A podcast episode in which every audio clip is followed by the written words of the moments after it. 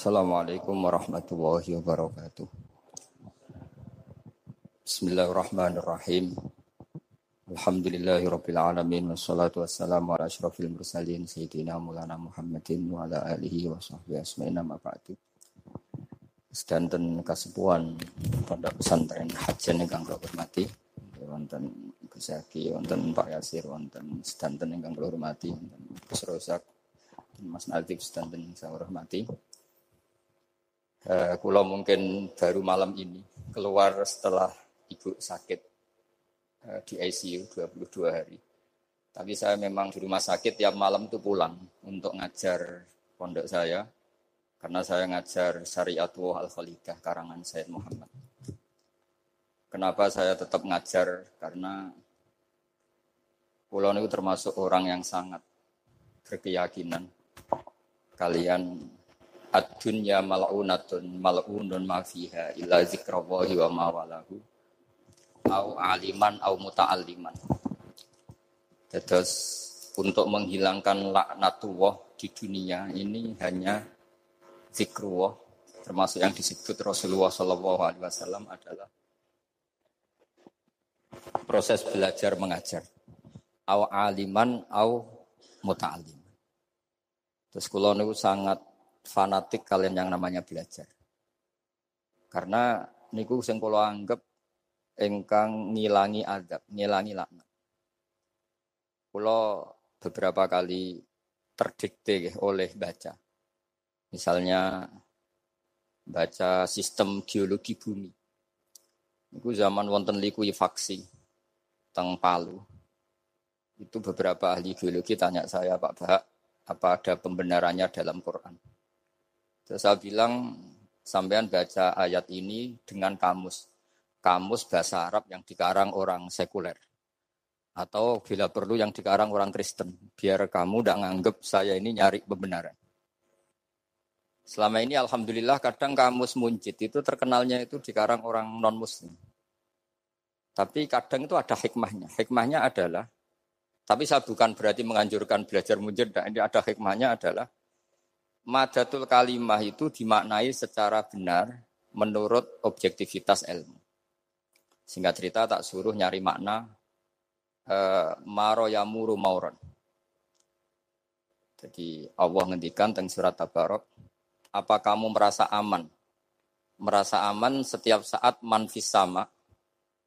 Ayyakhsifa bikumul ardo faidah tamur. Allah zat yang menguasai langit setiap saat bisa saja melumerkan bumi ini. Jadi melumerkan itu ya bahasa Arabnya tamur itu. Jadi Allah sudah mengingatkan bahwa potensi bumi ini memang likuifaksi karena di bawah ada magma, ada air, ada macam-macam.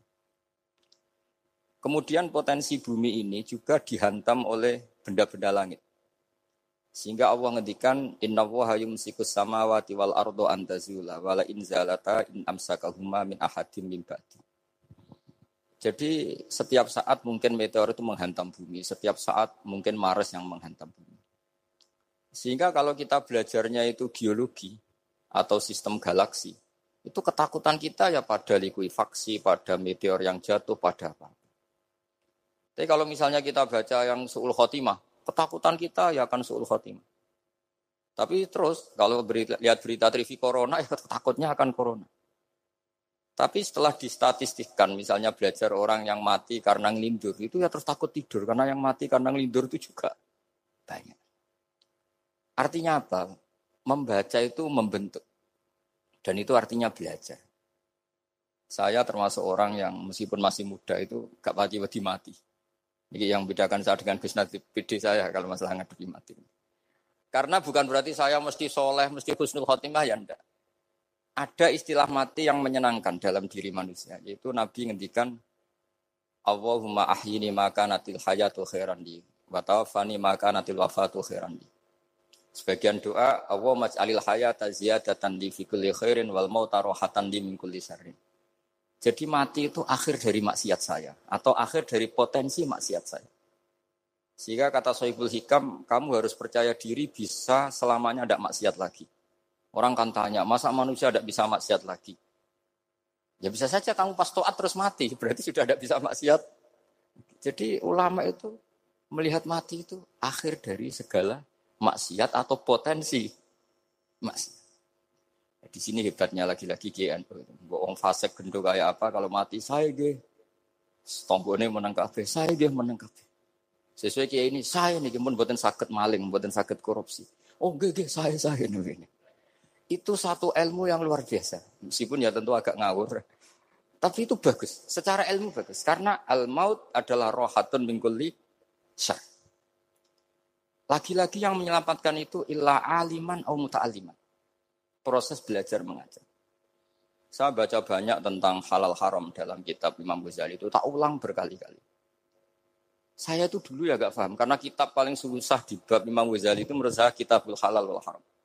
Termasuk bagaimana cara ngelola amwalus salatin yang terkenal korup sementara menyumbang kamu sebagai jaizah, sebagai hadiah untuk para kiai atau untuk para guru. Itu perdebatannya ulama itu macam-macam. Ada yang bilang haram karena itu potensi haram atau memang benar-benar haram. Ada yang bilang boleh. Karena kalau yang pakai kamu untuk kebaikan, kali dipakai mereka ruwet. Kebetulan yang partai ini lebih lebih besar Mas Nadif. Ya Alhamdulillah. Terus dikiaskan sama Honima. Lagi-lagi karena baca, saya itu pernah ditanya seorang dosen di Jogja. Gus, saya ini muslim mulai kecil dan saya peneliti, saya pernah sekolah di mana-mana. Yang ganjil dari saya tentang Islam itu satu, yaitu Honima kayak Islam tuh rampok gitu ya. Perang sudah orang kafir tuh kalah, hartanya diambil gini-gini. Ya ghanimah. Terus saya memberi analogi, kalau ada garong ke kamu, bawa senpi, bawa pedang, terus kamu mengalahkan garong itu, alat-alat itu kamu kembalikan apa kamu sita? Ya saya sita, nanti dipakai garong lagi. Ya kira-kira seperti itu. Kalau dikembalikan ke orang kafir berarti menjadi kekuatan kekafiran lagi. Dan itu harbi. Dia baru nerima. Lagi-lagi ini barokahnya baca. Makanya saya diminta sama sini, ya saya tentu faktor hormat. Karena bapak saya memang dulu ngaji sama Badullah. Mbah saya itu terkenal wali, yang bapaknya bapak. Itu kalau ke sini nyifati Badullah satu. Nur itu mondok gini, itu enggak apa-apa. Pondok elek lah, kiaimu wali. Zaman itu bapak itu di kamar kursi ya masih ada kakinya. Saya dulu sering dijak ke sini sama bapak. Jadi bahasa saya itu terkenal wali dulu. Jadi bahasa itu tirakat terus sampai kapudut itu poso terus. Kebetulan cucunya agak niru. Saya tidak niru itu karena itu Gus Zaki. Memang disuruh tidak niru. Kata mbak saya, kira usah tirakat. Terus tak tirakati aku. Itu. Jadi saya, Mbah Mun juga gitu. Kau haram tirakat. Terus tak aku. Saya senang sekali. Tapi tua-tua kok mikir putu. Nah, terus tirakati putuku sopo. Jadi mulai jadi kiai betul Mas Nadif saya ini sudah mulai mikir putu. Karena saya ini saya ini termasuk orang yang kecelok alim yang nggak banyak orang menghormati karena sudah diramal sama mbah-mbah. Di dulu mbah saya Mbah Nur Sam itu kakak saya itu SMP SMA, kakak saya yang kedua juga SMP SMA. Mbah saya itu Mbah Nur Sam itu yang nganterkan bapak ketika mondok sini yang ikrar karo Badullah Wali Mbah Nur Sam ahli tirakat, ahli puasa. Itu bilang Nur, anak sing iki aja pondok, aja sekolah no. Sumben sing ngalim ku anak sing iki. Ketika saya hampir tamat SD sama mbah saya Tuban, mbah saya Naruan juga di Sabdo begitu. Singkat cerita sama Mondok Sarang. Mondok Sarang pertama langsung dikenal Mbah Mun, wong anak kiai jadi langsung dikenal. Didoni macam-macam terus jadi wong alim juga ada yang ngelem. Biasa aja untuk dengan yang sepuh Ya sebenarnya agak kecewa, ya, saya inginnya kan dianggap prestasi gitu, ternyata dianggap doanya orang-orang sepuh. Ya, makanya kulo niki terus ya rodok ya syukurlah sama Bang Mutamakin sama semuanya karena ya karena tadi kenapa saya harus cerita ini? Quran sendiri mengakui bahwa orang soleh itu di antara aturannya adalah zuriyatam ba'duha mimba meskipun Allah bisa bikin orang soleh dari mana saja tapi yang legitimit itu memang zuriyatam ba'duha mimba dan kata zuriyah itu tasmalu awladal inas kata Ibnu Hajar al Asqalani memasukkan turunan yang dari itu Meskipun tentu secara wali nikah atau secara disiplin nasab dari ibu itu tidak ngefek. Tapi dari segi fa'inal irkodasas bahwa sistem tubuh kita itu tetap ada gen dari seorang apa? Ibu. Sehingga banyak ulama tafsir mengatakan durya itu tasmalu auladal inas. Durya itu memasukkan turunan dari apa? Ibu. Bapak saya itu nasabnya nasab nasab wali. Jadi mbah-mbahnya itu suka tirakat, suka ibu itu nasab kiai. Jadi kalau bapak wiridan itu kalau istiqomah itu disalahkan sama keluarga ibu. Istiqomah itu salah. Karena ijabu malam yajib mewajibkan sesuatu yang tidak wajib itu masalah secara ilmiah. Bangun itu sering kritik kalau ada pondok kok wajib puasa, wajib merawat itu sering kritik. Oh, itu secara fikih bahaya. Ijabu malam yajib mewajibkan sesuatu yang tidak wajib. Dan itu kriminal dalam bab fikih. Betul itu sama cari di Sulam Taufik. Babnya itu ngeri. Ijabu malam yajib itu tidak dihitung minal kabair. Dicari sendiri itu di bab Sulam Taufik. Tidak perlu saya sebut itu parah betul malah cara menfonis Abdullah bin Husain bin Tohir di Sulam Taufik.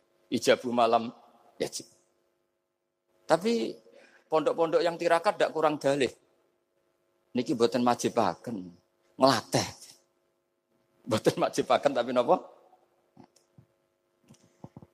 Nah, silsilah dari keluarga ibu itu suka suka ilmu. Sehingga Abdul bin Mas'ud itu tiap hari itu mensweeping orang yang sering duha. Kalau ada orang duha istiqomah itu disweeping. Awas, harus seminggu sekali. Enggak boleh tiap hari. Masa sholat fardu kamu saingi sholat duha? Enggak boleh, fardu tersaingi. Itu Abdul bin Masyur. Sama cari di Al-Hunjah itu. Sayyidah Aisyah, kalau ada orang duha tiap hari dimarahin. Dan itu secara konstitusi ilmu benar karena Nabi Qiyamul Ramadan itu hanya empat hari yang yang dipandu. Lainnya itu enggak. Khasyata ayufrodo alaihim kalau dalam sokeng takut dianggap fardu. Akhirnya istiqomah itu masalah di keluarga saya yang dari ibu. Nah kebetulan kita ini suka ada istiqomah akhirnya ya ya seperti ini. Tapi ini ilmu harus kita bicarakan. Tapi yang istiqomah Bapak itu pengagum Badullah. Bapak itu suka sama istiqomah. Karena punya guru dulu Ki Zubedi istiqomah, Badullah istiqomah. Tapi jangan kira Badullah itu hanya istiqomah. Saya punya sanat banyak. Mungkin Gus Zaki lebih tahu. Sering saya diceritakan Bapak.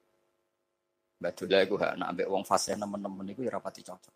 Senajan to majib no fase. Tak takut iki nopo. Empok nak ke fase darani wong awam untuk ganjaran. Mergo macane Quran gak fase. Padahal untuk ganjaran mergo seneng Quran. Jadi Terus tak takoki Bapak, niku sakit damel syarat mboten? Ya ora nek pokoknya ngono. Jadi gue ngekrori.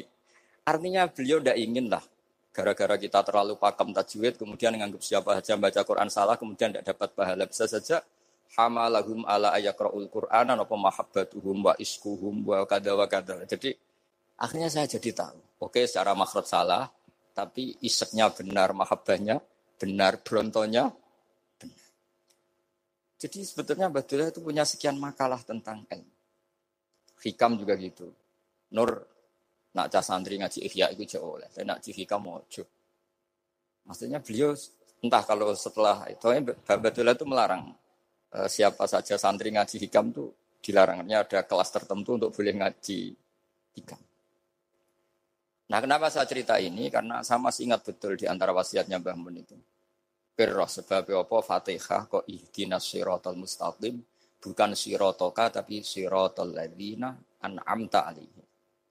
Dawe Bahmun fa inna wa ta'ala la yakul wa la yasrab wa la yangkih wa la kadza wa kadza. Allah itu tidak makan, tidak minum, tidak tidur. Sehingga kita tidak bisa niru Allah. Tapi yang makan tidur itu manusia. Sehingga kalau ingin dekat Allah ya niru siratal ladzina bukan sirotoka. Kita cara tidur niru kanjeng Nabi, niru ulama, cara makan, cara minum, niru Allah tidak bisa. Makanya enggak bukan ihdina sirotol mustaqim sirotoka tapi sirotol ladina anamta. Maka dalam beragama itu butuh master, butuh panutan. Ya tentu bangun oleh ngetikan pakai luwet orang-orang kuno. Cara bangun pakai cantolan. Maka saya punya makalah banyak dari dari bapak, dari Mbah Mun, dari Mbah dari sampai saya itu apal sanat sampai Rasulullah Shallallahu Alaihi. Karena yang bisa mengawal ilmu itu sangat. Termasuk saya di sini bawa kitab Arisal al -Bisariyah. Nanti saya baca beberapa uh, panutan kita. Di sini ada Abdul Qasim al Junaidi, ada Abu Yazid al Bustami, ada banyak ulama yang ditulis Arisal al -Bisariyah. Dan itu yang membentuk Imam Ghazali, kitab Arisal al -Bisariyah. Tapi sekarang kita ini tidak belajar lagi tentang tasawuf. Tasawuf itu Abdul Qasim al Junaidi jadi wali itu bukan wiridannya terlalu banyak. Enggak. Beliau pernah bikin satu kalimat yang menjadikan Allah itu ridho. Kalimatnya begini, kalau malam beliau wiridan gini, ya Allah, kenapa engkau ngasih rizki saya, padahal engkau tidak butuh saya. Kalimatnya sederhana. Kalau seorang majikan ngasih servis sama karyawannya, memang butuh pekerjaannya. Orang tua ke anak butuh kasih sayangnya. Tapi engkau ini zat yang tidak butuh saya, tidak butuh kita. Ngapain ngasih? Jadi punya sisi betapa Allah itu luar biasa. Wong tidak butuh kok. Ngasih itu kan luar biasa. Jadi karena mensifati seperti itu Allah itu ridho. Itu luar biasa. Normalnya orang memberi itu kan, apalagi orang memberi kiai itu kacau sekali. Satu sewu jaluk suwargo. Salam template satu juta ya jaluk apa? Suwargo itu parah lagi. Nanti kalau nggak masuk surga, tunda-tunda. Itu ngeri lagi itu. Satu juta minta apa? Surga. Sayyidina Ali, itu di antara sebabnya beliau dekat Allah itu karena muamalahnya sama Allah itu benar. Di antara muamalah itu yang diriwayatkan di kitab Arisalah itu syariah adalah masyur. Kafani izzan antaku nali robban. Wa kafani fakhron an aku laka an aku nalaka abdan. Tiap malam dia beritanya itu. Ya Allah, saya sungguh sangat mulia karena engkau yang jadi Tuhan. Coba kalau saya dituhani manusia yang mati atau dituhani siapa yang mati juga. Wakafani fakhron an aku nalaka abdan. Saya ini bangga sekali karena jadi budak, jadi hamba. Hamba zat yang tidak mati. Jadi pakem-pakem yang menjadi masyrob kalau dalam bahasa tasawuf. Itu yang menjadikan wali. Sehingga yang dikatakan ibadah itu apa? Ma'rifatullah. Mengenali Allah secara benar. Jadi jangan kira wali-wali dulu terus terlalu istiqomah ada juga. Mereka punya pakem yang menjadikan Allah itu ridho. Saya beri contoh nih di sini banyak eh, makalah nanti saya beberapa baca tabarut. Banyak riwayat dari orang-orang sufi. Nabi Ibrahim itu pernah ketemu orang Majusi. Beliau terkenal sakhok, terkenal sakhian. Ketika ketemu orang Majusi, ya Ibrahim saya ini sehari saja ngasih makan saya. Kamu kan tukang ngasih makan orang. Terus ya tapi bisa ki antus lima kamu harus Islam. Sebagainya Nabi Ibrahim adalah kalau saya menolong dia berarti nolong orang kafir. Setelah orang itu lewat berlalu karena Nabi Ibrahim nggak mau hormat, Allah memberi wahyu ke Nabi Ibrahim. Kenapa ya Ibrahim tidak kamu terima satu hari kamu kasih makan satu hari? Ya karena dia majusi. Kata Allah. Dia umurnya berapa? 60 tahun. Tanyakan, pernah kelaparan kan hanya hari ini? Iya ya Allah. 60 tahun dia kafir tak kasih makan. Minta kamu sehari aja kok gak boleh. Akhirnya Nabi Ibrahim dipanggil orang majusi, dikejar dipanggil. Ayo tak kasih makan satu hari. Kok kamu sekarang jadi baik? Habis ditegur Tuhan. Terus kata, aha kada yu amiluni. Apa seperti itu Tuhan mengualamalai saya? Ya naam. Akhirnya Islam orang majusi. Jadi itu lagi-lagi ilmu. Jadi yang dikatakan ilmu itu satu nyuwun sewu satu teori atau kalimat atau apa saja yang menjadikan kita ini pakem. Meskipun pakem itu kadang sulit diterima orang-orang khusyuk. Orang khusyuk itu ya nyuwun sewu ada sisi nakalnya. Makanya Mbah Mun sering kayak jargon masyur. Zada khusyuan, zada jalan tambah khusyuk tambah bodoh. Bukan bodoh dengan makna salah itu enggak. Memang kadang terus anti ilmu. Misalnya gini, ini contoh yang karena saya ini mengkhidmati ilmu, saya beri contoh yang urusan ilmu. Ada orang sujud diinjek orang fasik. Kepalanya diinjek orang fasik. Terus si orang yang sujud tadi ini ada di Sahih Muslim juga ada di Ihya. Wallahi la yaghfiru. Pakai sumpah, wallahi la yaghfiru. Allah langsung mewahyukan ke Nabi fi hadaz zaman, fi tilkaz zaman atau fi dzalikaz zaman. Mang dalladzi yata'alla alayya alla aghfira li fulan qad ghafartu lahu amalak. Katakan ke orang itu, siapa yang mencatut nama saya? yang hanya berstatus tidak memaafkan. Itu enggak fair. Saya ini Tuhan kok bisa ya fair, bisa yu'adzib. Kok sifat saya tinggal satu yu'adzib itu gimana? Dicatut separuh itu Allah tidak terima. Tapi kalau kita baca Quran, saya ini sama orang fasik ya benci. Wong saya ini orang soleh, setidaknya pura-pura soleh lah. Karena di depan para kiai. Tapi mau tidak mau. Ketika Allah mensifati dirinya tentang orang munafik gimana? Wa yu'adzibal munafiqina insya'a au jatuh. Ini cocok tidak cocok. Potensi memberi tobat itu ada. Meskipun sama kalau orang munafik, tapi ya tetap bacanya wa yu'adzibal munafiqina ya insya'a au jatuh. Rasulullah kayak apa bencinya dengan wahsi karena qatilu Hamzah. Tapi Nabi tunduk sama konstitusi Quran. Laisa laka minal amri syai'un aw yatuba alaihim aw yu'adzibah. Akhirnya Allah malah memberi tobat sama qatilu Hamzah yaitu wahsi. Ini pentingnya baca lagi. Kalau kita tidak baca, hanya khusyuk saja. Tidak baca. Pasti sama orang yang menginjak orang sujud tadi. yang nginjek pasti salah nggak dimaafkan. Bongso pasti pasti. Pertanyaannya adalah, betulkah Allah punya sifat satu, yaitu yu'adzib? Makanya kalau kita baca misalnya baca Quran walillahi mulku samawati wal ard ya sudah ya lima wa yu'adzibu. Kalau nuruti rasa kita ya inginnya ke kita ya fir ke orang lain yu'adzib. Tapi Tuhan kan nggak terima. Oh, saya ini Tuhan kok didikte makhluk saya ini gimana? Nggak bisa. Sehingga ya ini lagi-lagi ilmu, lagi-lagi ilmu. Makanya saya cocok tidak cocok itu suka baca. Saya suka sekali baca, mulai ulama dulu, ulama modern, setengah modern, setengah dulu. Mulai ulama yang kedunian sampai setengah kedunian. Suka. Saya dulu tuh gak suka uang. Karena saya memang tadi mbah dari bapak itu wali mas itu. Kalau tadi Mas Nadif jujur, mulai Mbah Soleh itu suka bully mertuanya, jadi saya alhamdulillah dia jujur. Mbah Soleh itu menantunya Raden Asnawi, itu ya bully-bulian sama ini terus ditiru beliau ini. Itu gak suka sebenarnya. Saya itu ya pokoknya tadi kalau orang daftar wali itu kan gak suka sama karena mereka nangis ketika Allah ngendikan wa akridu atau ayat-ayat anfiku atau orang baik disifati wa akridu wa qardan hasanah. Itu hadal khitab li ahli jiddi wasarwah. Ini khitab untuk orang kaya.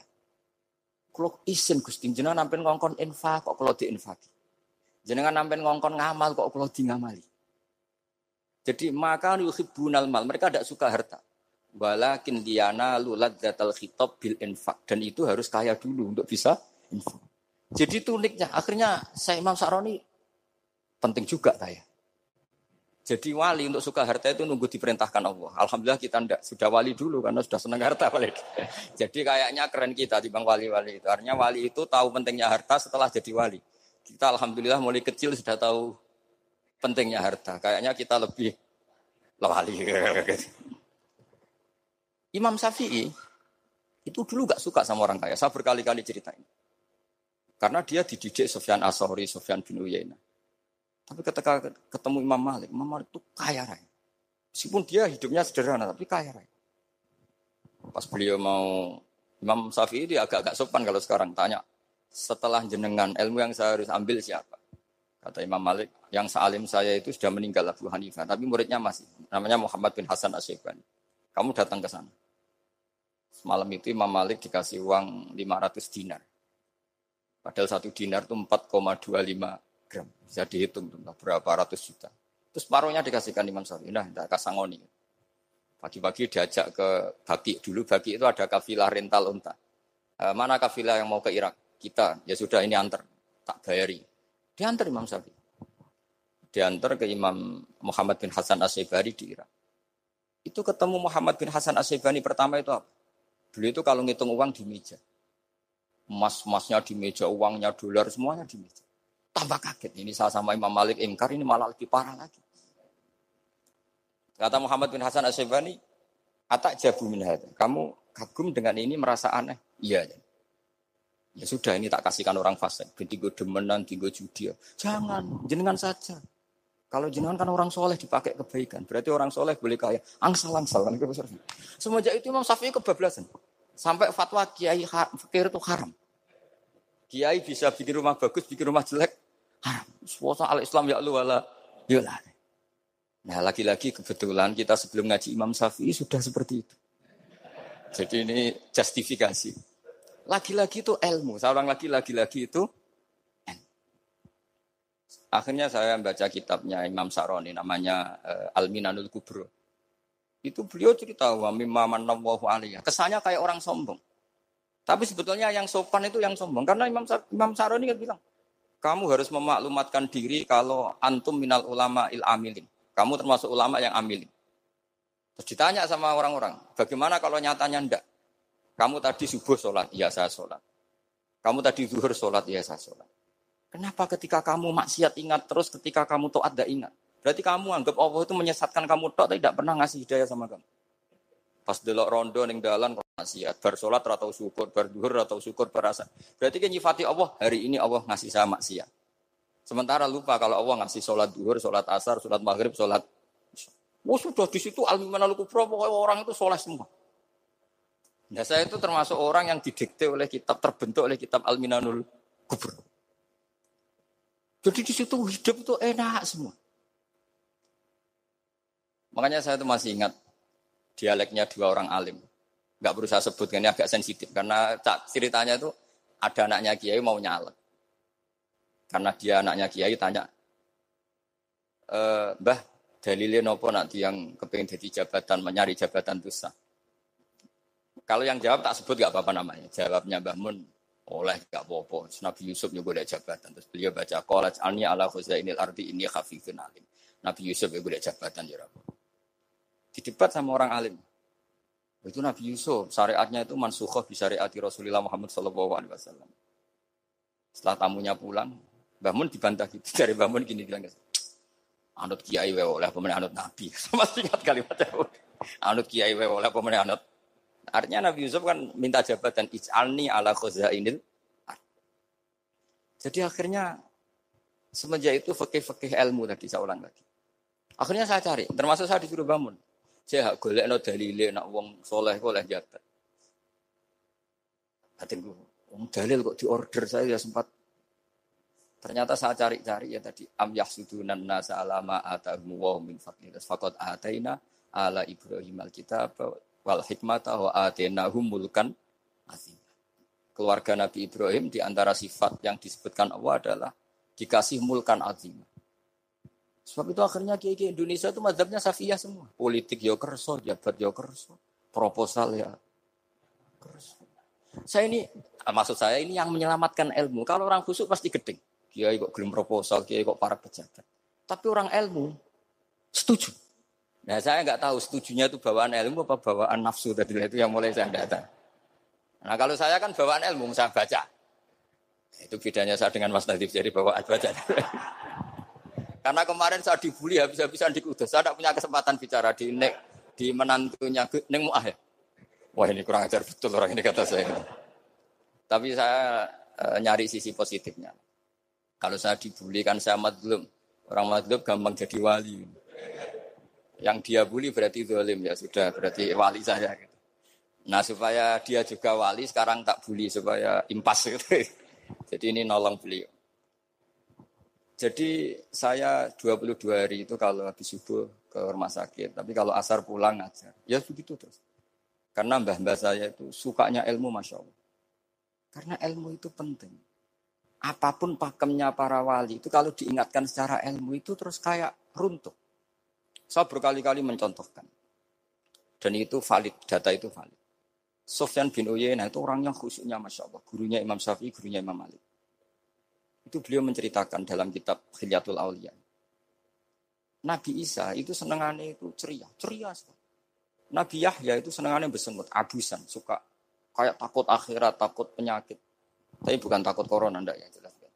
Saya akhir-akhir ini fatwa, sekarang jangan baca Uwais Al-Koroni, tapi Al-Korni. Meskipun saya tahu ada yang baca Koroni di kitab-kitab, ada yang baca Korni. Tapi sekarang wajib dibaca Al-Korni sementara. Sekali dibaca Al-Koroni itu nisbatun ilah. Iya, jadi makanya ini untuk sementara dibaca, ngikuti yang baca Uwais Al-Korni. Meskipun di sarah-sarah, apa di Fathir Roh, wakila di sukun, ya sudahlah sekarang harus ijma dulu Al-Korni ya, karena kalau Al-Koroni itu Akhirnya Nabi Isa ditegur sama Nabi Yahya.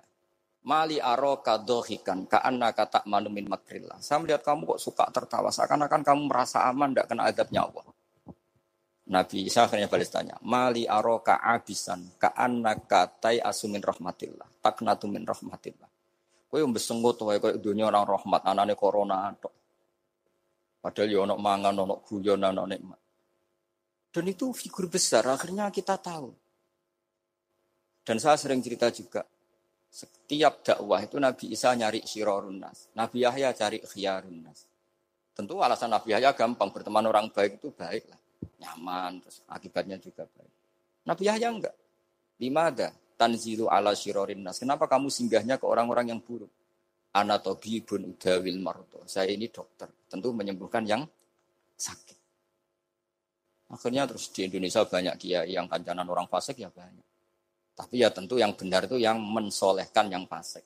Yang mesti salah yang menjadi fasik karena ketularan yang. Tapi itu lagi-lagi apa? Ilmu yang bisa menjadikan kita percaya itu ilmu. Saya tuh suka sekali baca kitab yang berbeda. Saya sekarang baru belajar kitab orang-orang Hanafi. Orang-orang Maliki. Saya kemarin dikirimin hadiah oleh keluarga Pak Kures, ada tanda tangannya Pak Kures dari Habib Ali dari keluarga beliau. Ciri kitab namanya itu Sarah Bukhari. Yang dikarang orang India, orang modern. Anwar ya. Kiai apa? Anwar, Anwar Sah, orang-orang India ya orang Sah. Itu beliau termasuk mujaddid kalau dalam perasaannya orang India. E, mensarai Bukhari ya. Kira-kira sanatnya Said Muhammad ke beliau itu tiga atau empat.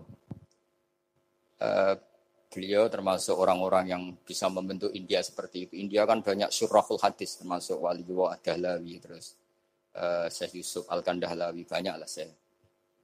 Itu beliau cerita, cerita di kitab-kitab itu bahwa ilmu itu harus diungkapkan. Terus beliau cerita banyak tentang ya tentang kewalian. Sampai dalam cerita kewalian itu unik. Dan terus kayak jadi wali itu gampang sekali. Ya di antaranya itu wali ku mau modal rasido. Sab'atun yudhilluhum wa wa maladhilla Itu di antaranya itu. Wa rajulun da'athu datu jamalin wa mansibin. Faqala ini akhafu. Mau modal gak sido.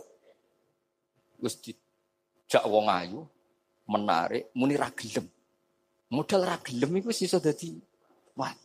Iku yudhilluhum wa fi dhillihi wa maladhilla Nah, masalah kita ora digelemi lah itu masalah. Lah itu sang. Jadi gampang sekali dalam kitab Al-Minanul Kubro. Dan kalau baca itu enak. Misalnya gini. Tentu masa lalu kita yang buruk itu tidak diceritakan orang lain. Dan itu kadang karena gengsi. Tapi kalau melihat hadisnya Nabi itu gampang sekali. Kullu ummati mu'afan ilal mujahirin. Umatku semua itu dimaafkan. Kecuali yang memperlihatkan salahnya dosanya. Jadi nggak boleh kalau sampean sekolah nggak naik kelas cerita anaknya. Kalau saat dulu nggak naik kelas, kalau punya utang koperasi tidak pernah bayar, nggak boleh. Cerita seperti itu. Kalau ditanya, bapak dulu pinter nggak? Oh pinter sekali. Harus bilang gitu pinter sekali. Pernah ranking, pak, ranking sekali sudah nggak apa-apa itu. Meskipun dengan makna yang lugawi ya. Saya dulu eskal. Kan Yun Sawu saya ini sering diparani orang yang mau tobat tercerita gue saya dulu sering main perempuan, sering mabuk, tapi sekarang saya mau tobat gini-gini. E, karena ini orang awam, tak terima. Tapi saya bilang gini, kamu jangan cerita ke anak kamu. Terus dia cerita, tapi kan saya harus jujur. Karena ilmunya dia baru terlalu jujur itu penting. Gitu. Terus pak, pokoknya menurut kulo oleh cerita. Pokoknya oleh cerita. Ya guys, oke. Okay, Setelah itu saya nyari-nyari sarah. Termasuk kitab itu. Kok bisa orang yang apa yang tidak mujahirin, orang yang menutupi salahnya malah dimaafkan, yang cerita jujur pernah salah malah tidak. Sangen-angen bener. Misalnya seorang bapak cerita, cung aku di nak pacaran tak ambung. Misalnya, anaknya mesti suatu saat kan dia puber. Mesti nak ngambung niru bapak. Nah kalau yang cerita itu ribuan atau jutaan. Cung aku zaman yang pondok itu rezekiku kombodoni. Kan terus jadi syariatun mutabah. Apalagi yang cerita ini ternyata jadi kiai, oh, ternyata gitu ya tetap jadi jadi kalau pura-pura soleh di rumah pura-pura soleh, seakan-akan di pondok tidak pernah kodok, tidak pernah setor meluntir, tidak pernah apa, tidak pernah apa kan? Katanya, lalu lucunya, oke okay, itu alasan. Alasannya Imam Ghazali itu paling masuk akal. Ini saya cerita. Ila aliman umta barokahnya baca Imam Ghazali. Fa inna ta'ala yakrohu zuhurul ma'asi.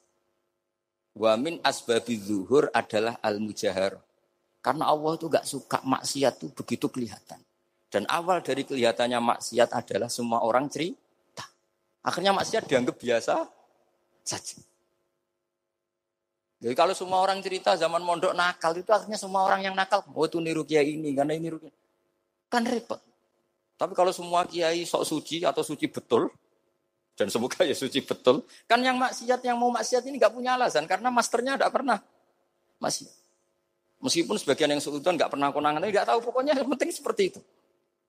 Itu hebatnya konsepnya. Saya dulu ya eskal loh. Kok? Ya tadi kullu ummati mu'afan illal mujahir. Saya dulu eskal seeskal kan.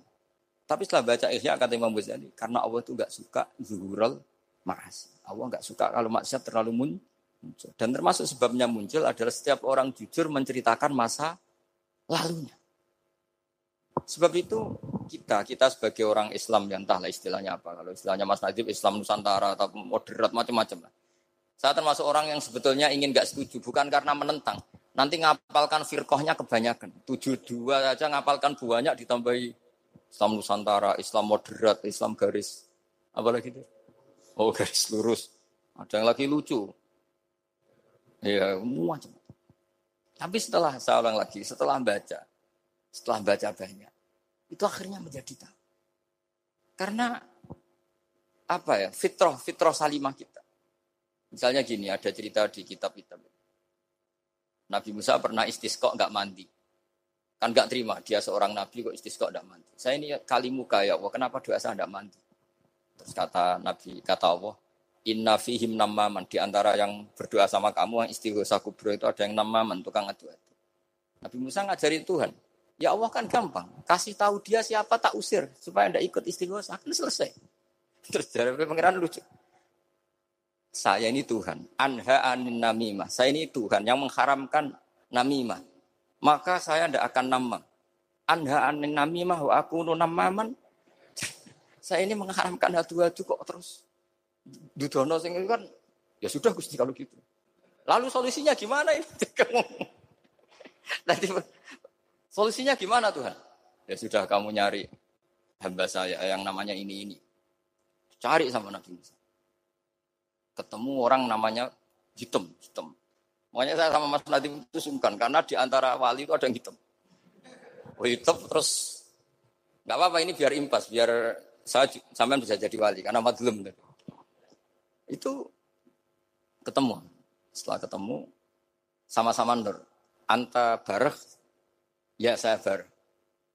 Terus anta Musa, ya saya Musa. Kenapa kamu tahu? Dikasih tahu Allah. Ini karena sama satu nabi, satu wali. Terus saya ini mau istisqa gak mandi, tapi sama Allah disuruh minta doa sama kamu. Oh, itu doanya tuh ngawur sekali, bukan sekedar ngawur, ngawur sekali. Ya Allah, apa engkau sudah tidak punya stok air sehingga tidak ada hujan? Gitu apa angin-angin sudah tidak nurut sama jenengan sehingga tidak bisa menghalau awan untuk menurunkan hujan. Faka ada Musa ayab tisau itu di semua kitab. Musa hampir saja jotos dianggap doa yang enggak sopan. Tapi kata Allah, la tadribu ya Musa fa innahu adhakani fil yaumi samarra. Dia bisa bikin senyum saya sampai tiga kali. Lu soal mereka maksiat, maksiatuhum la tadruka. Maksiat mereka itu tidak ngefek ke engkau kok jenengan pertimbangkan. Maksiatuhum la tadruka. Akhirnya langsung hujan. Jadi kadang doa itu ya ada yang ngawur. Maksiatuhum. Nah, makanya saya itu kadang berani berdoa Indonesia aman. Secara fikih ya kadang. Kok nak gak ono popo sing maksiat maksiat mana? Kadang ya mikir. Ya nak sing toat toat mana? Tapi kan kok nak ono popo sing maksiat ya maksiat. Saya pernah ketika Jogja sering gempa itu pernah mau berdoa. Ya Allah semoga bebas dari gempa. Tapi terus saya mikir, Memang kalau nggak ada gempa ya yang sholat sholat aman, tapi yang maksiat juga daripada mengguri Allah sudahlah tidak berani berdoa saja sudah sudah Gusti ini dunia ini jangan pun pun terserah jenengan. Tapi saya sebagai orang Muslim sing apian kan ya kepengen arham lah, arham linnas. Boleh dalil lu kangilan, tapi gara-gara baca kibarek tadi maksiatuhum la tadurruka. Maksiat mereka itu tidak bahaya bagi kita. Pun Gusti rasa kakean pertimbangan pun udan mau. Udan langsung. Lagi-lagi karena baca. Termasuk di Al-Minanul Kubro itu ada cerita tentang Nabi Isa. Cerita itu tidak hoax, ini kata Imam Sa'ron. Ada orang itu eh, perajin sepatu, perajin sandal. Ya Allah, engkau itu bilang butuh sandal ukuran berapa, nanti tak bikinkan. Engkau bilang kendaraan kamu apa, nanti saya yang fasilitasi ada ini, ada ini. Pakaiannya kalau dames. Apa, pokoknya saya ingin khidmah sama. Nabi Isa yang terkenal baik itu ya faham mabibat sih hampir saja dipukul. Kata Allah jangan Isa. Dia muji saya sesuai yang dia ketah, ketahui. Lagi-lagi baca. Jadi tidak bisa kita mengadili orang lain ini kalimat ini tasbih, tasbih wa bil khalqi itu tidak bisa, tidak segampang itu. Kecuali yang ngomong orang-orang mutazila atau orang-orang khawarij mungkin kita lawan karena berdasar ilmu. Kena wong lugu rusak. Karena orang lugu itu gimana? Seperti amat ditanya, kamu mukminah? Terus dites sama Nabi. Aina Allah. Fa'asyarat ila sama. Allah di langit. Coba kalau kamu tauhidkan, Allah layak khullu fi makanin.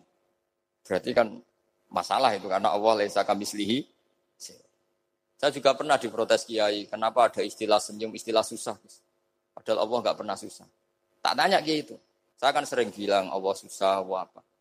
Gus, kok gitu? Padahal Allah kan tidak pernah. Tak tanya, kamu hafal Quran? Tidak. Ya sudah, baca aja ayat falam ma'asafu nantakom namin. Itu doire asafa itu kan asifa ya safu asafan. Diikutkan wazan afala berarti asafa yuksifu. Berarti kayak dengan ata lah. Ya, ata yakti itianan kalau ingin wazan afala kan ata yukti ita sama dengan Falam ma'asafu, mongko sumangsani gawe susah sapa Fir'aun wa kaumu. Nah ini. Fir'aun mari ribet, mari aku susah. Aku pengiran jadi tandingi. Intakom namin rum kata aku. Akhirnya dia itu bilang, jebule ning Quran yo istilah Allah susah. Iya sempol aku itu spon, wong aku apal Quran dadi spontan bahasaku mbok salah mbok ora iku jek ana kembarane Quran. Sampeyan masih khusuk ora apal Quran akhirnya yo ngene iki kata saya. Akhirnya Jebule ilmu itu penting, wis suwe nah ilmu itu penting kata saya. Jadi ini lagi-lagi ilah aliman au mutan. Jadi saya tuh dapat barokahnya ilmu. Saya sebagai manusia ya takut mati. Tapi tadi kalau kadang-kadang melihat mati itu rohah mengkul disarin. Kita ini meskipun nyun sekarang tidak zina, tidak korupsi. Potensi itu tetap ada. Dan yang bisa mengakhiri potensi itu apa coba? Al-maut. Sehingga Nabi ngajarkan kita itu Gampang sekali dalam beragama. Ij'alil hayata ziyadatan li fi kulli khairin wal mauta rohatan li min kulli Lagi-lagi ilmu yang menyelamatkan kita itu Sehingga Umar bin Abdul Aziz ketika mau meninggal, semua keluarganya nangis. Dia tanya, kenapa kamu menangis? Karena engkau mau meninggal. Memangnya setelah saya meninggal mau ke mana? Ila Robbin Karim, ila Robbin Rahim. Jadi segampang itu untuk melihat Nah, tapi kalau kita tidak baca, tidak baca, seakan-akan wah mati ngeri nak mlebu rokok Seakan-akan di alam sana hanya ada neraka. Padahal anak indah doni abdi Daripada nganggep neraka masalah atau eleng pangeran ini. Lagi-lagi baca. Layamu tanah ahadukum illa wa wa bila jangan sampai seseorang mati kecuali dalam keadaan husnudon sama saya tuh masih ingat Gus pas Bapak gerah itu tak antar ke Karyadi di Semarang. Itu mau kapundut itu cek guyon. Jong jong apa mati buat gue nih hotel karena di pavilion. Beliau mau kapundut cek cek dungo khataman Quran baca sabah terus khataman. Terus tak khataman Quran terus terus rasa nangis aku husnul khotimah itu terus kapundut. Terus kok enak maksudnya santai maksudnya enggak ya rileks aja. Seperti Mbah Mun itu dulu saya tuh ya aku bela wafati sering sering ketemu. Ya ada hanya saya tentu banyak orang sering ketemu beliau. Jawabnya bang bener. Cung, aku nak mati Selasa berarti aku wong alim. Nak mati Jumat berarti aku wali. Kok penak kabeh? Saya sebenarnya ingin tanya. Nak setu bah tahat nih. Tapi kok potongannya orang pantas itu. Ketika beliau nyatanya kabundut Selasa berarti senang status alim. Artinya orang-orang dulu itu Imam Ghazali lebih parah lagi. Ya saya yakin ya semua orang Islam mati itu baik. Imam Ghazali lebih parah lagi. Itu beliau kapundut. Itu orang yang perjalanannya tiga hari itu sudah datang semua. Sore beliau beli kafan. Terus beliau bilang ke adiknya, saya nanti kalau mati yang imami orang ini, ini, ini. Jangan makamkan saya sebelum diimami orang ini, ini, ini. Dulu udah ada WA-nya Nabi, udah ada grupnya. Itu ketika beliau sudah beli kafan habis sholat subuh, alaiya bil kafni, kafan saya bawa sini dikasihkan sama adiknya. Ya Allah, arido bil intikal ilal malakil. Jadi saya sudah ridho kalau ketemu engkau. Terus dek. Adiknya bingung karena orang yang ditunjuk itu harus tiga hari perjalanan. Ternyata datang semua. Datang semua terus. Kok kenapa engkau datang? Ghazali wis kondo aku ini telung dino yang lalu. Jadi aku langsung harus perjalanan. Pamit. Jadi. Lalu kubu sebelah ini cerita Mas Nadi yang tukang tukaran sama kubu sebelah itu Mas Nadi. Kalau saya ini orang baik gak suka tukaran berarti masuk orang baik. Yang aku orang baik itu penting cara kita Palminanul Kubro karena kalau ngaku ngaku orang elek berarti kenangannya Allah sama kamu itu bikin elek, tidak bikin baik. Itu cara pikiran Imam Sa'roni dalam Palminanul Kubro. Kamu kan boleh mengatakan saya habis makan, habis minum. Artinya apa? Kamu habis dapat nek kamu harusnya juga bilang, saya habis ngamalkan ilmu, saya habis dapat hidayat. Wong tadi kamu ya sholat subuh, kamu ya baca Quran. Susah ya opo sih ngakoni tawabik dari Imam Sa'roni. Seneng aneh kok Kalau mau bermaksiat berdelok wong wedok. Memangnya Allah mau amalah mbek kowe mau elek tok atau mau amalah HP? Ini rada provokator, tapi ini tapi ini cerita ilmu, ini cerita ilmu. Makanya saya kenapa tetap hormat Mas Aldi karena provokator meskipun itu asli, enggak karena baca. Kalau ini asli memang suka sombong memang asli. Tapi apa pun itu kan tahun yang Mesir. Jangan-jangan bacanya itu. Saya baca kitabnya, dia ke makomnya. Imam Saroni kan orang pernah ziarah. Makanya potensinya seperti itu. Jadi saya terus dulu saya tuh nih Gus ya, bapak itu Islam. Bapak itu seneng kancanan wong timbang wong sopan. Saya dulu ya Islam. Bapak itu kancanan wong itu. Suatu saat bapak wafat, si pendereknya bapak yang melete ini tak kancan. Tuh orangnya. Marah. Mulai. Tangan-tangan bener wong melete. Jadi kalau tak tanya, mau sarapan bah, wongnya sepuh. Oh wes lah Gus, iso-iso kudu sarapan wajib. Wes rokok, oh wes. Ternyata dia lebih gampang ngitung nikmat. Kok gak kerja, Bang? Aku nang masjid di Sulewu, kon ngino wong kerja ora usah, di Sulewu wis raja iso mangan iso ngombe. Lha opo ngamul wong liya? Kan kok bener sesuai. Sementara sing sopan kurang ajar. Mbah pun mangan. Terus ngenteni kerja angel kabeh mboten panen men ngenes koyo-koyo Allah ora tau mar. Oh, mungkin karena ini Bapak. Jadi akhirnya sesuai wae ora pati. Kancanan nang sopan-sopan. Akhirnya kancanan Mas Nadif kan gitu ceritanya. Ternyata Orang sopan ya kacau juga mau eling sisi panen akeh tak tahu, bah panen kada. Mboten Gus nampa meniki. Pokoke meluh terus. Jadi makanya ini kan apa-apa kalau berlebihan itu. Seperti saya pernah ditanya. Kalau orang Jawa Timur itu hormatnya sama kiai. Kalau sama orang biasa itu kurang hormat. Kalau orang Solo itu sopan-sopan. Tapi ya sama-sama ada masalah. Kalau ada kultur semuanya sopan, nanti ya hum yukrimuna aliman wa fasikon wa solihan wa tolihan. Soleh, sopan yang berlebihan akhirnya sampai pernah ada seorang kiai, kiai latihan. Ini kisah nyata. Wong itu teman saya. Ketemu orang Solo dihormati. Sempat GR, barokahnya ilmu saya dihormati orang. Bareng sama orang fasik, orang macam-macam ya dihormati yang sama. Jebule podo ya.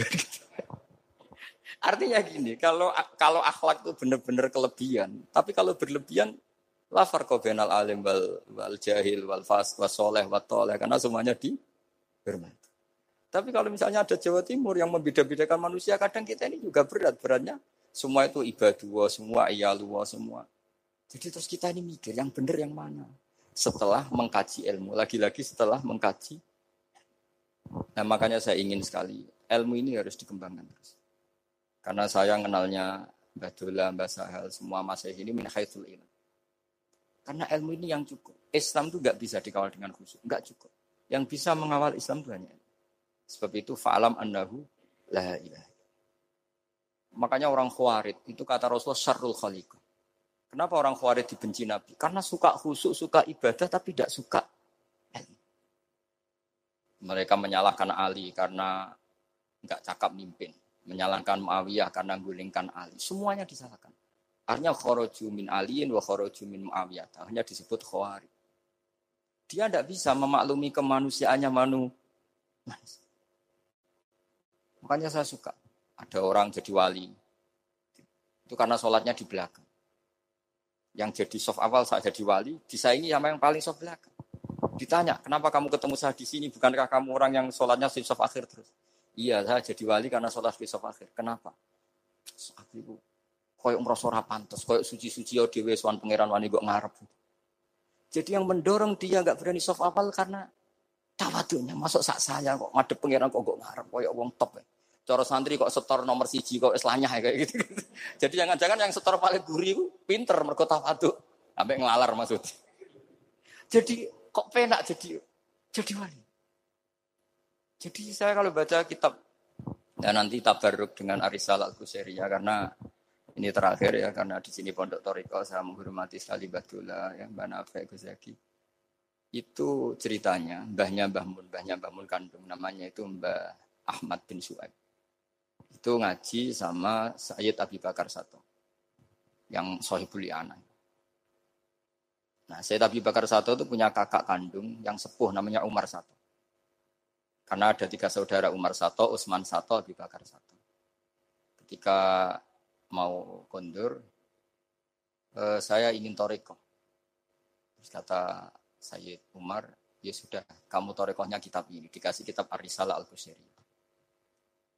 Kitab itu sama Mbah Sueb dibawa di, di sarang, Mbah Ahmad Sueb. Mbah Ahmad ya, Mbah Ahmad Sueb. Masuk kita syukur karena Mbah Nafe itu ngaji di sarang menangi Mbah Ahmad Sueb. Jadi yang solawat askat tahiyat itu, itu masih dari Mbah Ahmad. Bukan dari Mbah Zubair, dari Mbah Ahmad. Jadi Mbah Nafe di sini pernah ngaji Mbah Ahmad, pernah ngaji Mbah Zubair. Nah, Mbah Sueb ini pernah ngaji di sini Mbah Murtado. Kajian mana sekali Mbah Murtado. Watu Royo, Watu Royo. Jadi di Tarau Jumat saya sarang itu Mbah Sueb dulu itu pernah ngaji di Watu Royo. Makanya saya diceritani Kang Mahmudi, putranya Mbah Zain. Itu ketika Mbah Imam sudah sepuh ngaji, soan ke Mbah Imam sama abahnya atau sama siapa lah. Mbah Imam sudah sepuh, sudah ya sudah sepuh. Wendi le, Kulo kajen. Apa apa ini badhe mondok. Gak ikhlas yo, ilmu dhisik dijupuk wong sarang. Apa mbok jaluk meneh. ya ini cerita dunia ki ya. Jadi karena dulu uh, Mbah Sueb itu Mbah Sueb itu ya babanya Mbah Imam, ya orang tuanya Mbah Imam, ya babanya Mbah Mun. Karena Mbah Mun punya mbah namanya Ahmad, Ahmad itu bin Sueb. Itu guyonannya Mbah Imam. Gue ratrimo ya. Ilmu itu kayak nongong kajen apa buat jaluk. Karena sebagian masa saya sarang dulu ya istifadah di hajen, hajen ya istifadah dari sarang ya sudah seperti itu. Ya memang siklusnya seperti itu. Jadi ya sudah biasa seperti itu mulai dulu. Saya tuh saya saja sudah menangi itu.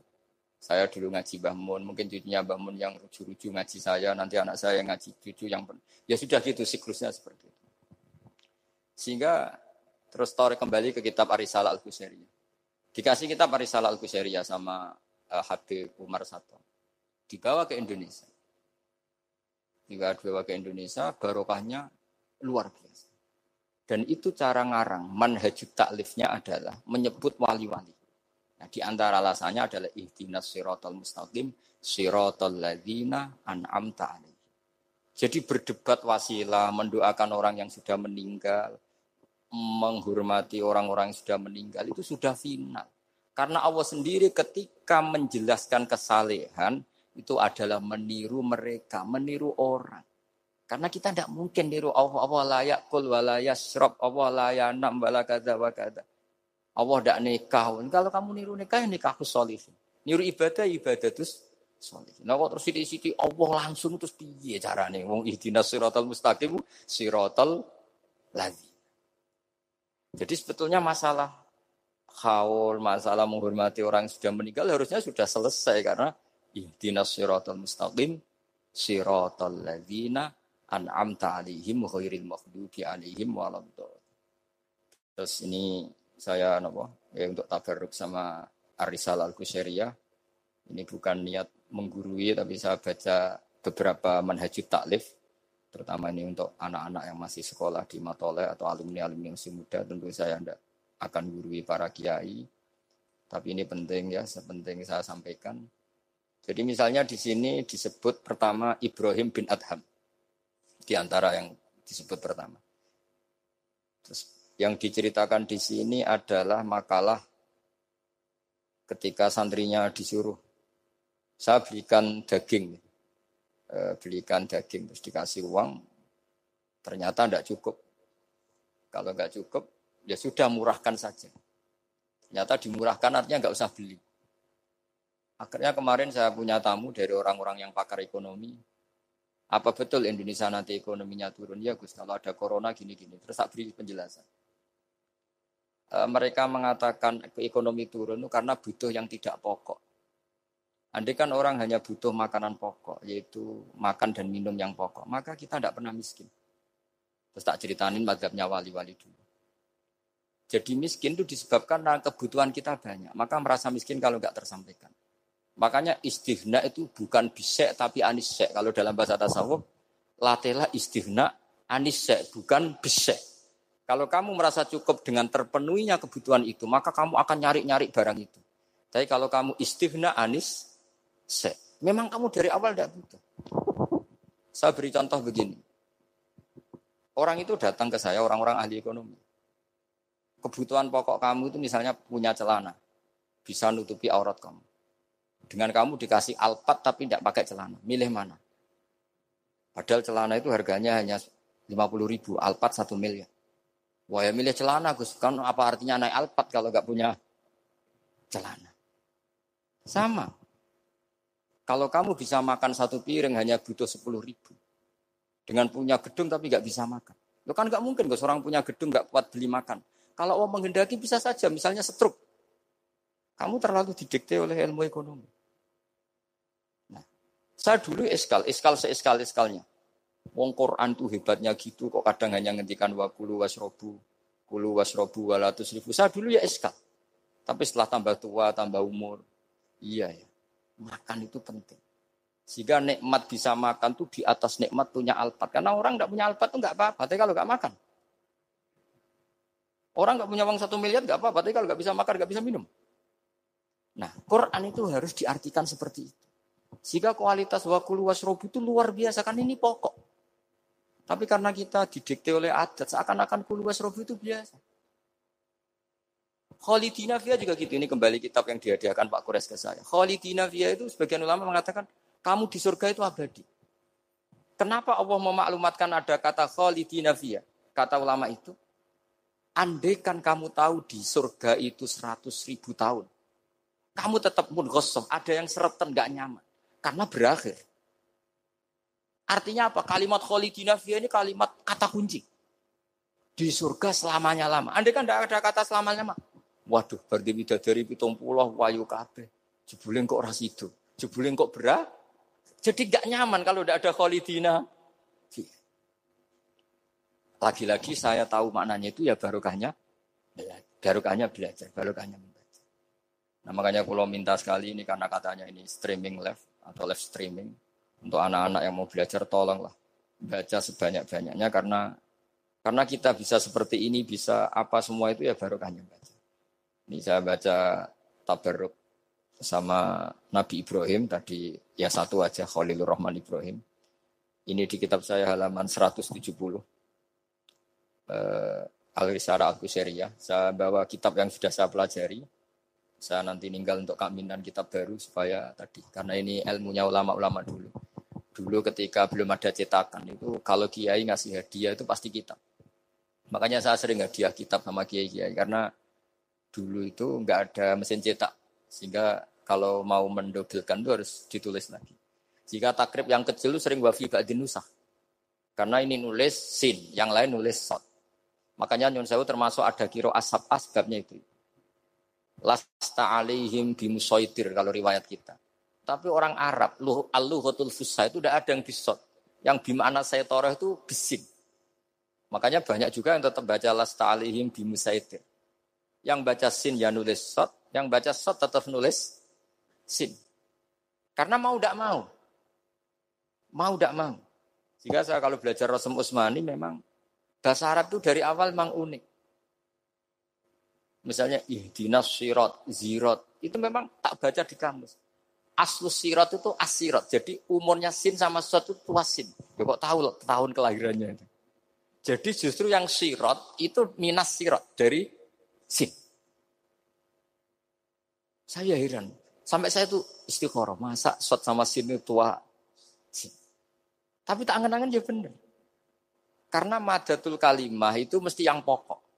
Sot itu punya watak sifir. Kalau ada sifatun zaidah, mesti posisinya dia juga lebih mudah.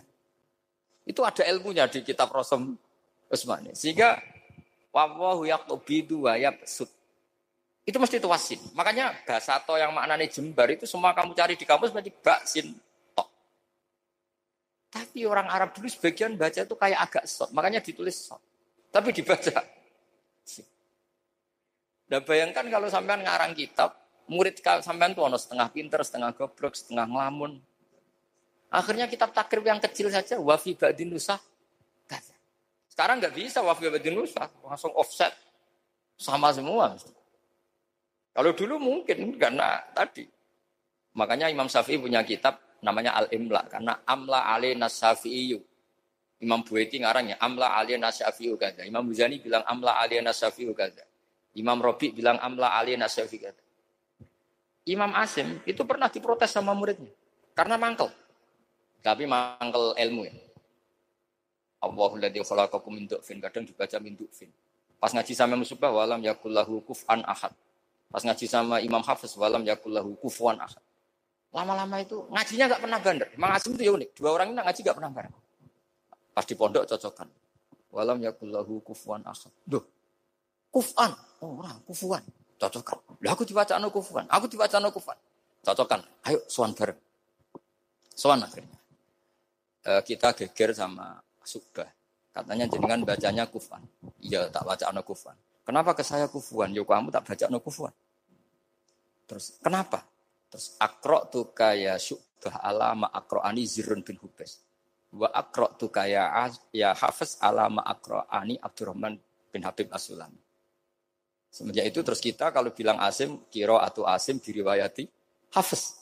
Karena subah ini lebih dekat ke korik-korik yang lain, lebih dekat ke Nyuwun Sewu Imam Nafi.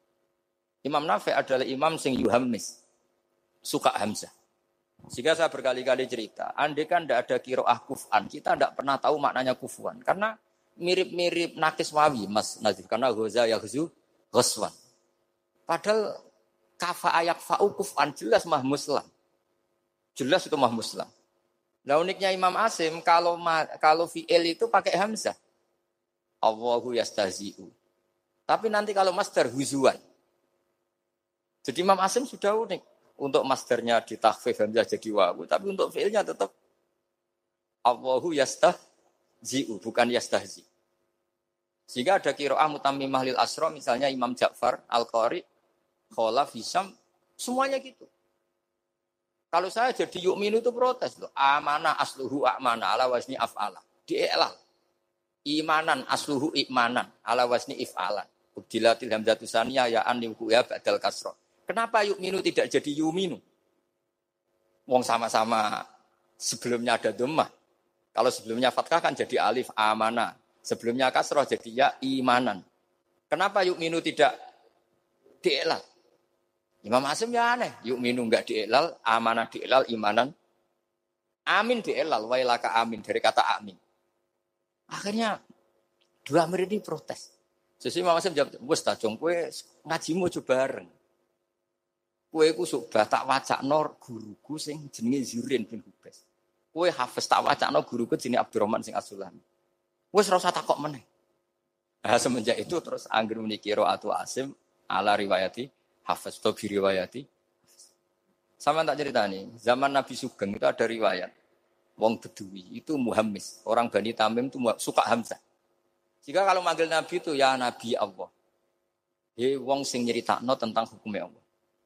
Karena Imam Asim baca ya gitu, di fiilnya Nabi ibadi ani, Nabi nyeritakno sir. Amma yatasa alun anin nabailafi. Jelas itu mah muslam. Tapi pas bilang Nabiun itu ditakfif pakai ya.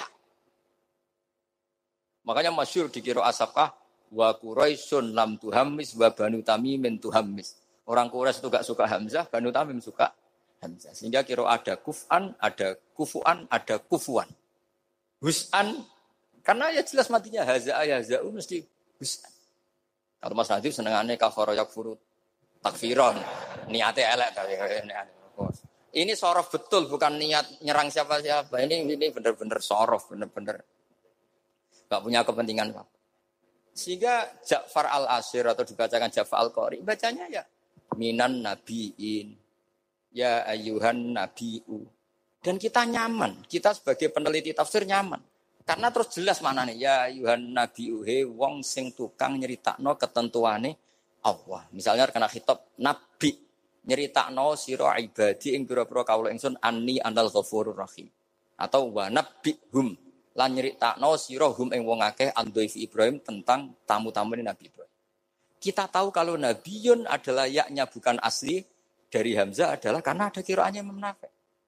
Imam Nafek seperti itu karena tertular Banu Tamim. Bukan terpapar. Wah, lagi-lagi karena baca.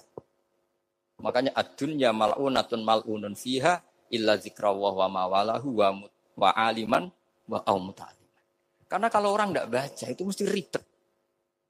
Ya, saya bentuk takdim saya ke keluarga Matole, ke keluarga sini. Meskipun ibu saya gerah karena andikan beliau sadar juga pasti nyuruh ke sini karena termasuk spesial memang di antara bapak itu kalau wasiat itu pokoknya sarang kajen lasem kudus diulang-ulang Makanya bapak ini tadi saya cocokkan sama Nabi. Bapak saya itu nasibnya agak sial. Punya guru tiga itu keluarganya ibu semua.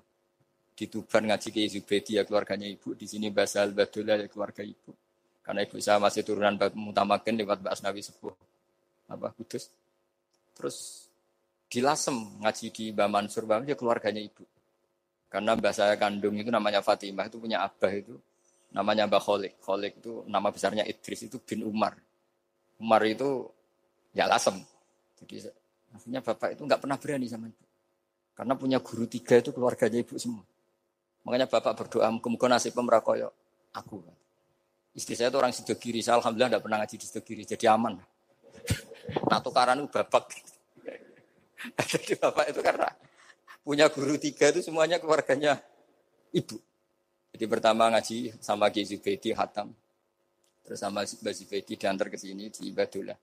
Ki juga keluarga sini karena Ki Zubaidi itu punya ibu Hafsah. Hafsah bin Maksum bin Soleh bin Mbak Asnawi Sepuh. Saya sama Mas Nadim kira-kira ya sebuah Mas Nadim. Cuma gara-gara beliau agak delotok jadi saya tidak sopan ya akhirnya. Tapi ya itu tadi di dunia wali itu banyak yang memang menyembunyikan kesolehannya. Jadi saya itu bingung ini yang wali apa yang asli tidak soleh. Jadi di dunia wali itu memang ceritanya aneh-aneh. Ada orang itu tukang kolak homer, tapi jadi wali. Dulu lah, tapi kalau sekarang uangnya nggak cukup. Jadi ada satu kampung yang dapat suplaian homer itu dibeli. Setelah dibeli, dilarutkan di sungai. Sehingga lama-lama agennya itu janggal. Loh kampung situ pes, tak kirimi arak terus kok nggak ada yang mabuk. Ternyata supaya kampungnya nggak kena mabuk, ditebas dia terus dibuang. Jadi wali. Dohirnya ya penebas arak tadi. Ya apa Mas Nadi begitu saya tidak tahu. Kan ini kan misteri ya. Jadi memang dunia wali itu aneh. Ada Abu Yazid Al Bustami pernah tanya sama ya Allah yang nyanyi saya makom saya itu siapa? Itu itu yang tidur pinggir kamu. Ya Allah ini kan pegawai ini tidur. Kenapa saya yang tahajud terus masa setara dengan ini? Ya tahajud terus itu tetap mergo nganggep aku itu nak kira tahajud tak salah. Iki ngerti nak aku iku apian. Mana ditinggal turu. Jadi kue ibadah terus itu rodok nganggap-anggap aku rapati apian. ya ono ilmu gitu tuh ya aku gumen. Lah saya ini kan khawatir jangan-jangan Mas Nadib baca itu. Wah, kalau baca itu ya repot maksudnya saya ini kan ilmu lagi-lagi. Ya cocok tidak cocok ini ilmu. Makanya ilmu itu kan ya sudah. Saya itu nggak suka orang munafik, tapi kata Allah wa yu'adzibal munafiqina iku insya'a au jatuh. Ya sudah kita mau tegas gimana wong potensi Allah bisa menutup. Saya pernah eh, suan sama Mbak Mun tanya, "Wer madzhabku?" Yang jelas corot yang kota Mbah jenengan itu terkenal ira tegas. Jadi Mbah Mun guyu guyu. "Wer madzhabku?" Saya kebetulan ya rada pinter fanatik. Nggih, madzhab jenengan lai salah kamilal amri seun au yatuba alim. Ya iya, ora jelas Allah dhewe iku ngadepi wong fasik ora jelas. Maksudnya ora jelas itu kadang yo maringi tobat, kadang yo nyiksa. Mulane aku melok ra jelas wong iku ora roh. Dadi ra jelas iku ya mazhabku. Berarti ra jelas nggih jelas ya ya kira-kira gitu. Terus bareng ning era modern roh Mas Nadib ora jelas iki kaya Mbah Mono. Jadi terus ribet kan nganal ilmu lagi-lagi ilmu. Yang bisa menjelaskan itu ilmu. Ya coba kamu misalnya menfonis kayak tadi yang cerita orang yang diinjek. Kenapa sifat saya tinggal menyiksa? Saya ini ghafur kata Allah. Mangzalladzi ta'ala aliyya Allah aghfira li fulan. Siapa yang menjamin saya tidak maafkan? Bisa saja saya maafkan. Wa ana ana aghfir wa ana uadzib kata Allah. Tapi ini sifat saya kok tinggal satu mesti uadzib. Ini gimana ini? Yang hilangkan satu, yang yaghfir. Ya sudah Allah nyifati dirinya. Nah itu termasuk kenangannya Bapak sama Badullah. Bapak itu pernah didawi Badullah ini sakser sekarang. Nur kejo geman nyifati Allah. Ora kaya Allah nyifati piyambak ning Quran. Jadi di antara wasiatnya Badullah ke Bapak, saya masih ingat betul. Kaya geman nyifati Allah kecuali sifat sing dikenal no Allah piyambak teng Quran. Setelah saya ini mengaku madhab Imam Saroni lah. Setelah saya alim ternyata betul. Saya nuruti emosi mangkal sama orang fasik. Saya nuruti emosi benci sama orang munafik. Tapi bareng maji Quran wa yu'adzibal munafiqina insya au yatuba. Ya sudah Allah yang Tuhan saja bisa. Soal mangkel ya saya karena saya basaria tapi tetap nganggep potensi diberi Ini terakhir saya baca ya. Bismillahirrahmanirrahim. Waqila inna majusiyan istadofa Ibrahim al-Khalila. Faqala lahu in aslamta adoftuka. Kalau kamu Islam malam ini tak jamu. Karena dulu gak ada warung. Semuanya padang pasir. Sekali gak bisa makan ya gak bisa makan. Faqala al-majusiyu. Idza aslam tu fa'ayu minnatin takunu laka aliyah. Terus famarral majusiyu. Fa'awahawwahu ta'ala ila Ibrahim alaihissalam. Ya Ibrahimu Ya, lam tum lam tut imhu illa bitahyirihi dina. Lam tut im orang ngeke imangan siro. Ini atama yutimu apa? Itaman ya. Perkara sorof tok ini dia. Dia itu sorof tapi niatnya elek. Kalau saya ini betul niat begini. Maksudnya ada yang disindir. Kalau saya ya sorof betul. Lam tut imhu illa bitahyirihi dina.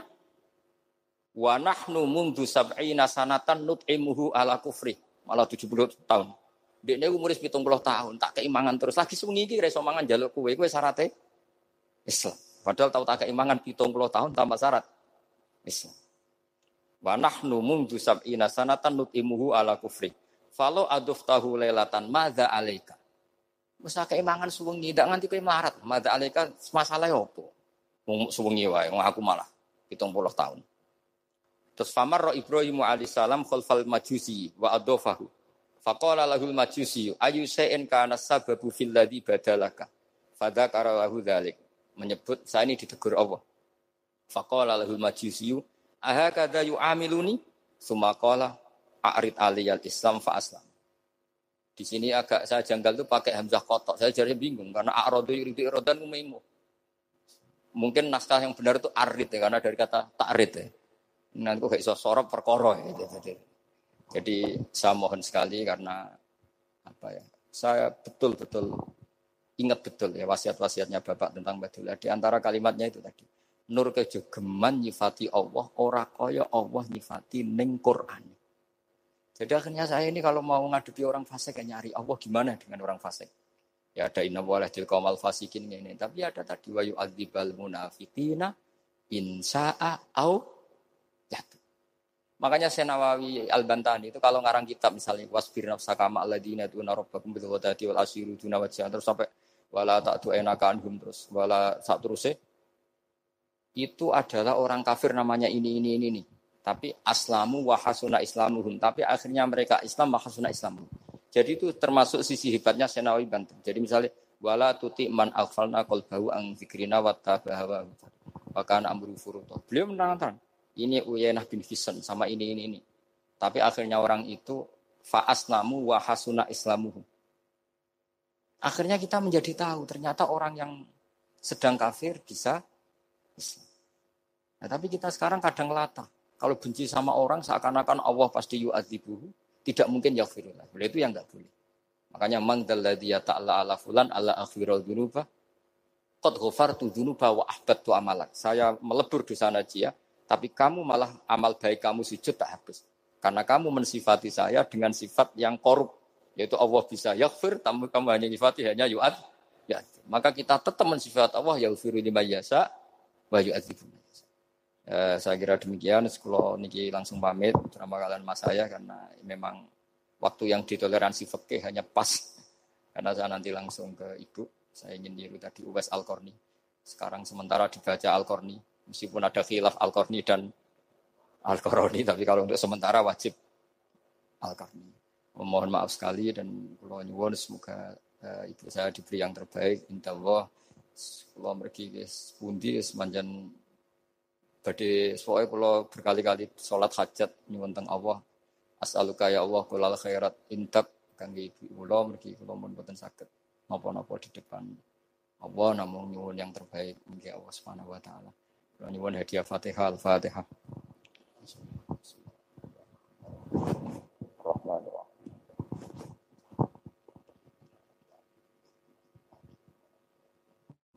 Assalamualaikum warahmatullahi wabarakatuh.